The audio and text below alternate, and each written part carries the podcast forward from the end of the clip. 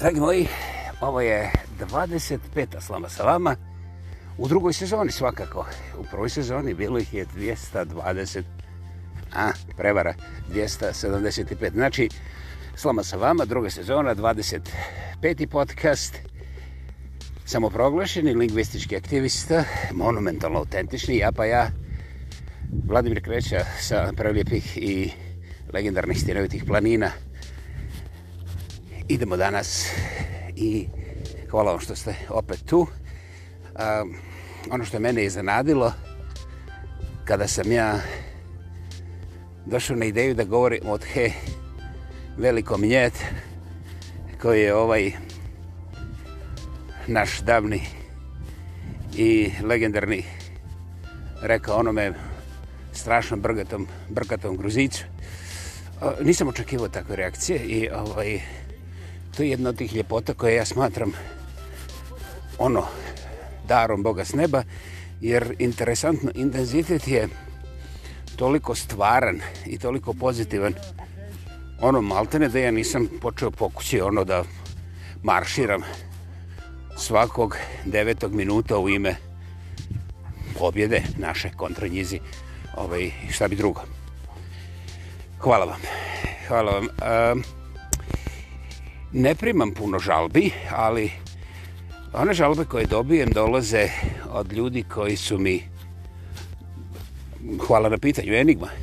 Naime, ako se družite s neskim, recimo minimum 10 godina i cijelo vrijeme razgovarate o zajedničkom hobiju, na primjer, skupljanje ovih ne bodova, ne tako dalje, nego običnih onih poštanskih markica, recimo, što se u nekim selima naziva filatelija. Ne morate ništa da filate, a još ljepše ne morate ni da se telite. Međutim, skupljate markice i to je onda filatelija. Tele nije filovano, nemojte ga dirati, reka živi.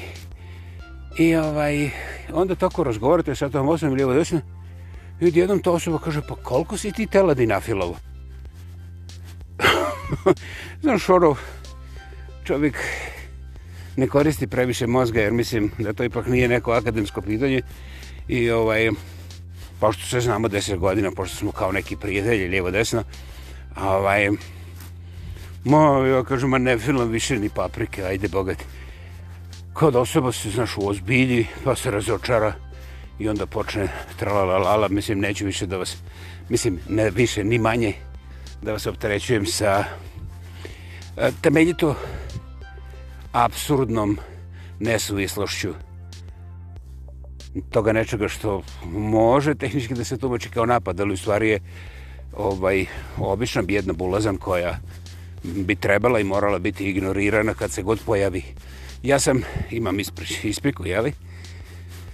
Eh, bio sam nespreman, jednostavno od takve osobe, tako duboko, ono, ni u najgoroj situaciji nisam očekivao i kao što vidite, kada je čovjek nepripremljen, onda se mogu desiti razne razne stvari koje inače, inače nisu u njegovom karakteru. Ovoj put, ja sam se jednostavno psihološki srušio.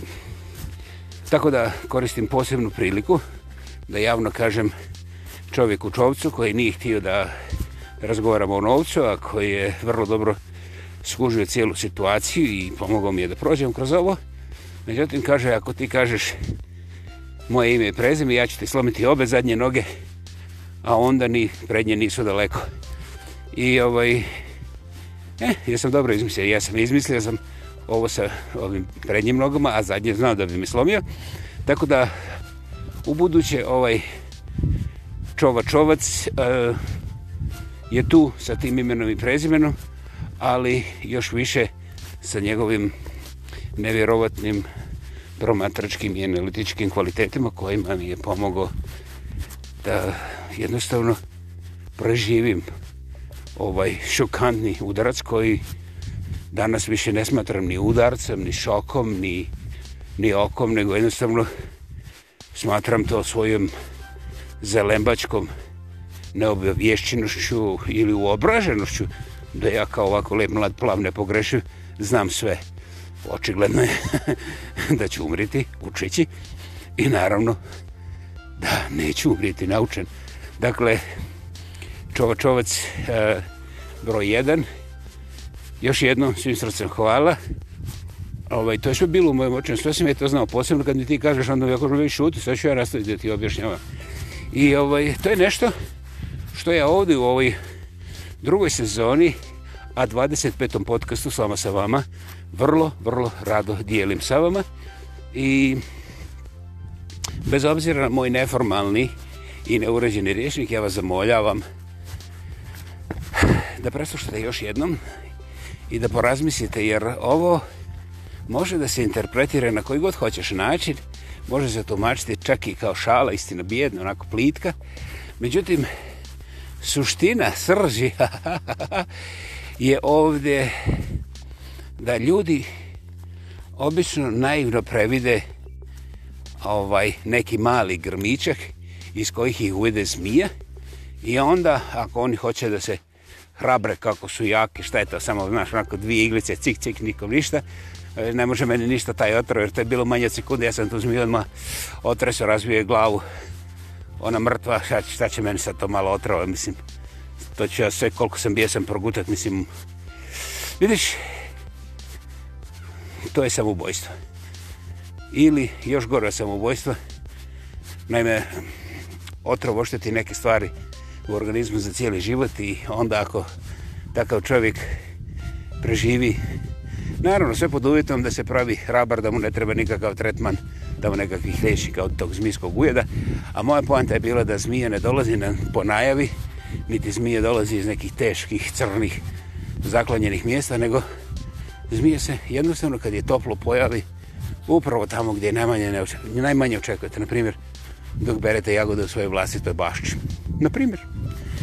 Ovaj, tako se meni desilo, ja sam mislio da sve znam i ova spodoba koja je mene tako šicnula, ovaj, uopće nije bilo u zasjedi. Ja sam se izgubio u zasjedi. I love those faces you got you got beautiful beautiful company here. Okay. They're really really impressive oh, and happy. oh, yeah, Eto, dragi moji, ovaj, dakle, ja ne želim da budem fin ni slučajno. Mogu bih ja ovoj osobi koja je to meni sasula, tako, znači, ispod lista ove jagode u mom vrtu. Ali to ne bi samo bilo pogrešno, to bi bilo betoniranje moje bolesti u meni. Jer, znaš, kada vi sada počeli da raspravljamo kakve su zmije okolo gadne i otrovne, eh, ja bez pameti ovako znam da i sigurno ima više od miliona, a dok samo pobrojimo do miliona, prođe ova godina, možda i veći dio sljedeće. Dakle, ako bih ja išao u to što je istina, na primjer da su zmije tu među nama, da su zmije otrovne, da zmije čekaju u zasjedi, niko ne zna baš kojoj, e, ja bi se tako... Međutim, ako se ja skoncentriram na sebe, i primitim da ja ipak nisam bio nekako muškarčina koja je šutio pa izdražao šta je to dva udarca, nego sam otišao odmah kod dječnika, kod čoveč ovca prvog i onda sam Petra rekao, pogledaj, cmi zrčak, cmi zrčak, cmi zrčak, pogledaj, meni ovako lepo mladom plavom i nepogrešivom tako nešto. Onda me čovac sasluša, čovac, čovac jedan, da, da, čovac, čovac jedan, i onda kaže, hej, jel ti još ovaj, da se probudiš iz toga, iz, iz, iz te svoje bulazi? ili hoćeš da nastaviš da ližeš takve ove zmije i zmijice usput. I ja onako, znaš, zaletim se kao nešto i meni držat nastavili, evo da sam kaže, ej stani, ko je kod koga došao? Zašto si me pitao? I nema veze. Ako neš odgovor, neću ja ni reći, nema, nema problema, ne moraš da se trudiš. I onda ja primitim da ja nešto tu ozbiljno ne vidim. Naravno, čovac čovac kaže, okej, okay. i nastavi. I objasnim ovo što sam vam ja objasnio. Dakle, ne možemo raspravljati o zmijama. Zmije ovaj, sasvim normalno izlaze na stomaku, čak i kad im se ne pleše ovaj trbušni ples. Ne morate provjeravati, to je tako. Pametni ljudi to ne provjeraju, ne, ne provjeravaju, ne znam zbog čega. Vjerovatno zato što ih zovu, hm, da, pametni ljudi. To je, na primjer, taj važan korak broj 1. Važan korak broj 2 je duboko udahnuti, uvijek u takvim slučajima, duboko udahnuti i prije nego što se napadne svijet oko sebe ili ti neki krivci, ili, Bože moj, da berite već sad ovaj cilj, izdahnite. I tu je već slika nekako jasnija i pojavljuju se neki prvi rezultati takozvanog razmišljanja. Ali prije toga ima još jedno R racionalno razmišljenje. Znači, ne otkačeno ono ja želim, ti želiš razmišljenje, nego racionalno, znači fakti, takozvane činjenice i efekti, fakti i efekti, šta se tu ovaj mulja i onda odjednom slika postaje još jasnija. Ono jednostavno iz 486 40 bez ikakvog problema prolazi u high def. Bum! I tu već čovjek ima dovoljno materijala, ne samo da razgovara sam sa sobom, nego da sam sebe kontrolira na jednom znatno, ne samo efikasnijem, nego prije svega korisnijem nivou za sebe. Dakle, tu se iz iluzije jednostavno lagano prošeta u takozvani regularni stvarni život uravnoteženog tipa. Eto, a niste morali promijeniti ni religiju, ni političku stranku.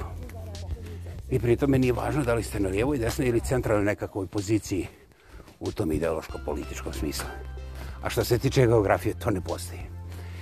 Tako da, znate, bez nekakvih ulaganja, ove principe možete primjenjivati, ne samo unutar ove atmosfere, recimo čak i ovih uh, novih raketla koje lansiraju, evo turističke raketle, bolije ću sad uskoro, vrlo brzo i redovno, nego i ako krenete za Mars jednog dana. Dakle, nemojte da vas ređa.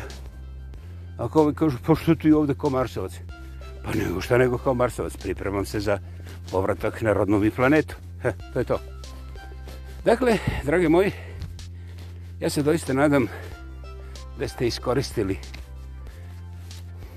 priliku da povirite malo dublje iza scene i da primijetite nekako se jedan podmukao udarac ispod pretvara u bilo kakvu vrstu koristi, nego kako se taj udarac razumije i raskrinka njegov utjecaj na vaš vlastiti život, ne samo raspoloženje.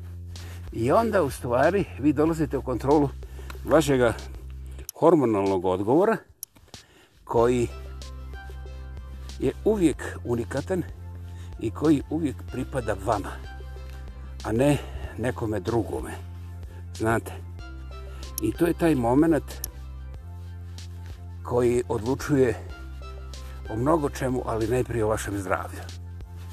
Čim dozvolite da vam neko, kako se to na latinske kaže podigne živac ili recimo libijski nervozus sklerotikus jojkikus vikarius prijetnjom hm, oružjem i tako svim tim pametnim spravama to je moment kada više ne morate biti zabrinuti postali ste životinje I ako Bog da zaustavit, će, zaustavit ćete se prije krvi i razaranja, ali već što ste napravili u tom stanju, kada mi neko podigao živac, je primijetili se, okrenite se za sebe, vidit ćete gotovo nemjerljivo šteta koju morate da brišate ovaj, na razražne načine i mnoge od tih stvari bez ikakvog razloga prate vas cijelog života, najme otkud meni to znanje. Pa razno raznim tim eksperimentima, unutar više disciplinarnih e, eh, istraživanja lijeva-desna, ali u dugom periodu vremena i u nevjerovatnoj količini dokumentacije, izvolite, potražite, internet je poširok. Naime, da bi čovjek uklonio jedno jedino negativno iskustvo, recimo takvu nekakvu svađu, takav, takav nekakav konflikt oko bezvezne stvari, znači jedna negativnost, njemu treba pet pozitivnosti povezanih u redu da bi to doveo na nekakav balans ili recimo jednostavnim rješikom da bi došao u stvarnu situaciju da to više ta negativnost ne utiče na njegov život da se otklanja uvijek i da gubi vrijeme i energiju na toj negativnosti. Znači pet prema jedan, pet pozitivnih stvari u sukcesiji da bi se izbalansiralo sa jednom jedinom negativom. Ne bih išao u detalje, ovo je već dovoljno za ozbiljno razmišljanje i to možete pokloniti sebi. Ovo je stvar koju ne morate objašnjavati da li se slažete ili se ne slažete zato što je absurdno. Jer ovoga niko vam ne traži slaganje ili neslaganje. To ste vidjeli sami. Ali vaš organizam traži minimum nekakvih potpornih aktivnosti i odluka od vas da bi živio u takozvanom zdravlju. Dakle, vaše tijelo je vaš brod i jedini stvarni kormiral ste vi. Op, ovo je me istuk, ovo me lagole. Gospodo, problem, sjetite se one zmije što me ujela gore. Čovac, čovac mi je lijepo rekao, šta rade zmije? Hajmo, lekcija, jedan broj, jedan, počnemo s ova. Šta rade zmije? Zmije idu okolo i dijele Nobelove nagrade, ček, ček, ček, to se nije desilo zadnji put, gledao sam na televiziji. Nije bilo, aha, dobro. Strade onda zmije. Dijele sladolede na nekom vrućnom danu, na plažama. Znaš,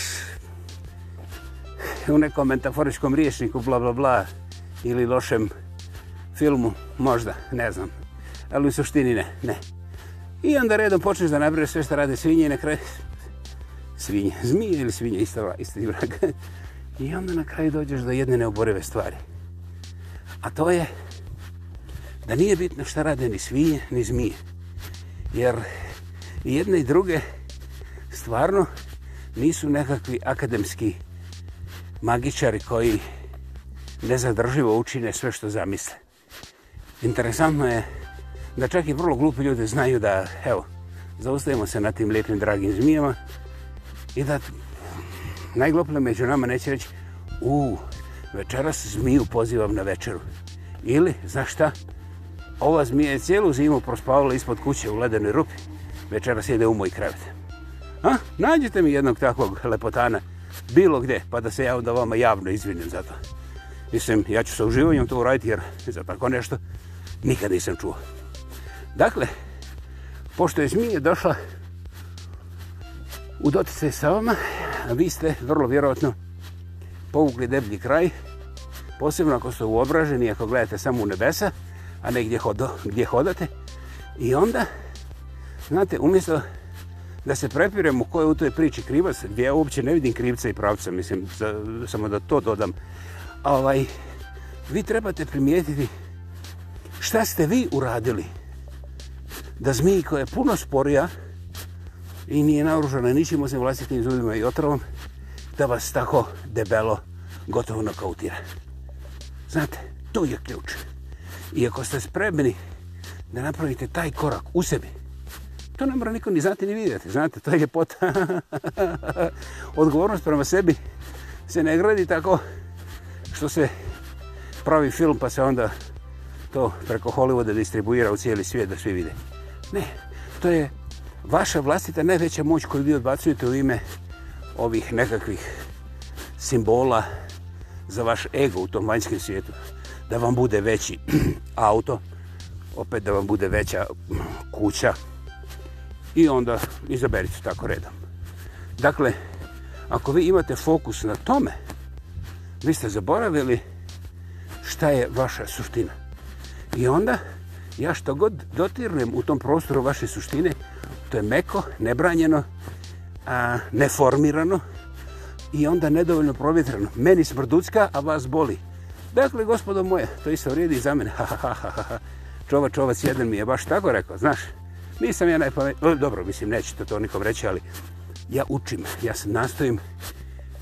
Ja nastojim kad mi najteže otvoriti vrate i vidjeti ovaj, hoće li nekakvog sježeg zraka ući, jer ovoga, znate, čudo je taj svježi srak. Em ga ne vidiš, ali kad ga nema, odma osjetiš. Eto vidiš, nisam ovaj taj takozvani naučni znanstvenik, ali znam ovo sto posto. Evo recimo jutro čovac, čovac i ja razgovaram. Ovaj, ja imao u stanu bananu i pošto sam žurio na kavu, nisam pojao bananu i razmišljam, gledam bananu, a nisam više u stanu i lijevo desno i tako dalje, igram se igram i ja kažem, pazi ovako, jebote miše, držim ja onu baranu i kažem ovaj kažem ovaj znaš šta pa svaki majmun zna šta je banana znači čista znanost i pitan je čovjek čovjek pa to iz, iz toga ispada onda da je majmun znanstvenik jer 100% zna šta je banana kaže meni ovaj okej okay? znači znanost Jer ba imam zna gdje je dvoran, ja. Da. I on gleda u mene i kaže, ok, a, a gdje nam je majmun? Ja kažem, pa ja znam da je to banana isto. Pa kaže on, ha, ha, ha, gdje nam je majmun?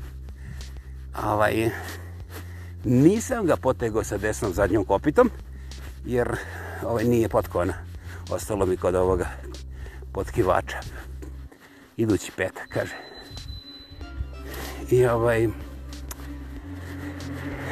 Da, činjenica je da i majmun zna da je banana, banana, da. I onda se to vrti kod mene, kažemo, ako on zna, onda je znanstvenik. Čekaj, pa znam ja nešto. Dobro, javit ću, te, javit ću kad saznam gdje je majmun. Ovaj, I to su te stvari, znate, ovaj, umjesto televizije i ovih ratova možete malo koristiti i svoje vlastito provjetravanje tih vaših esencijalnih dobara kako kažu englezovi asec, jeli? I ovaj,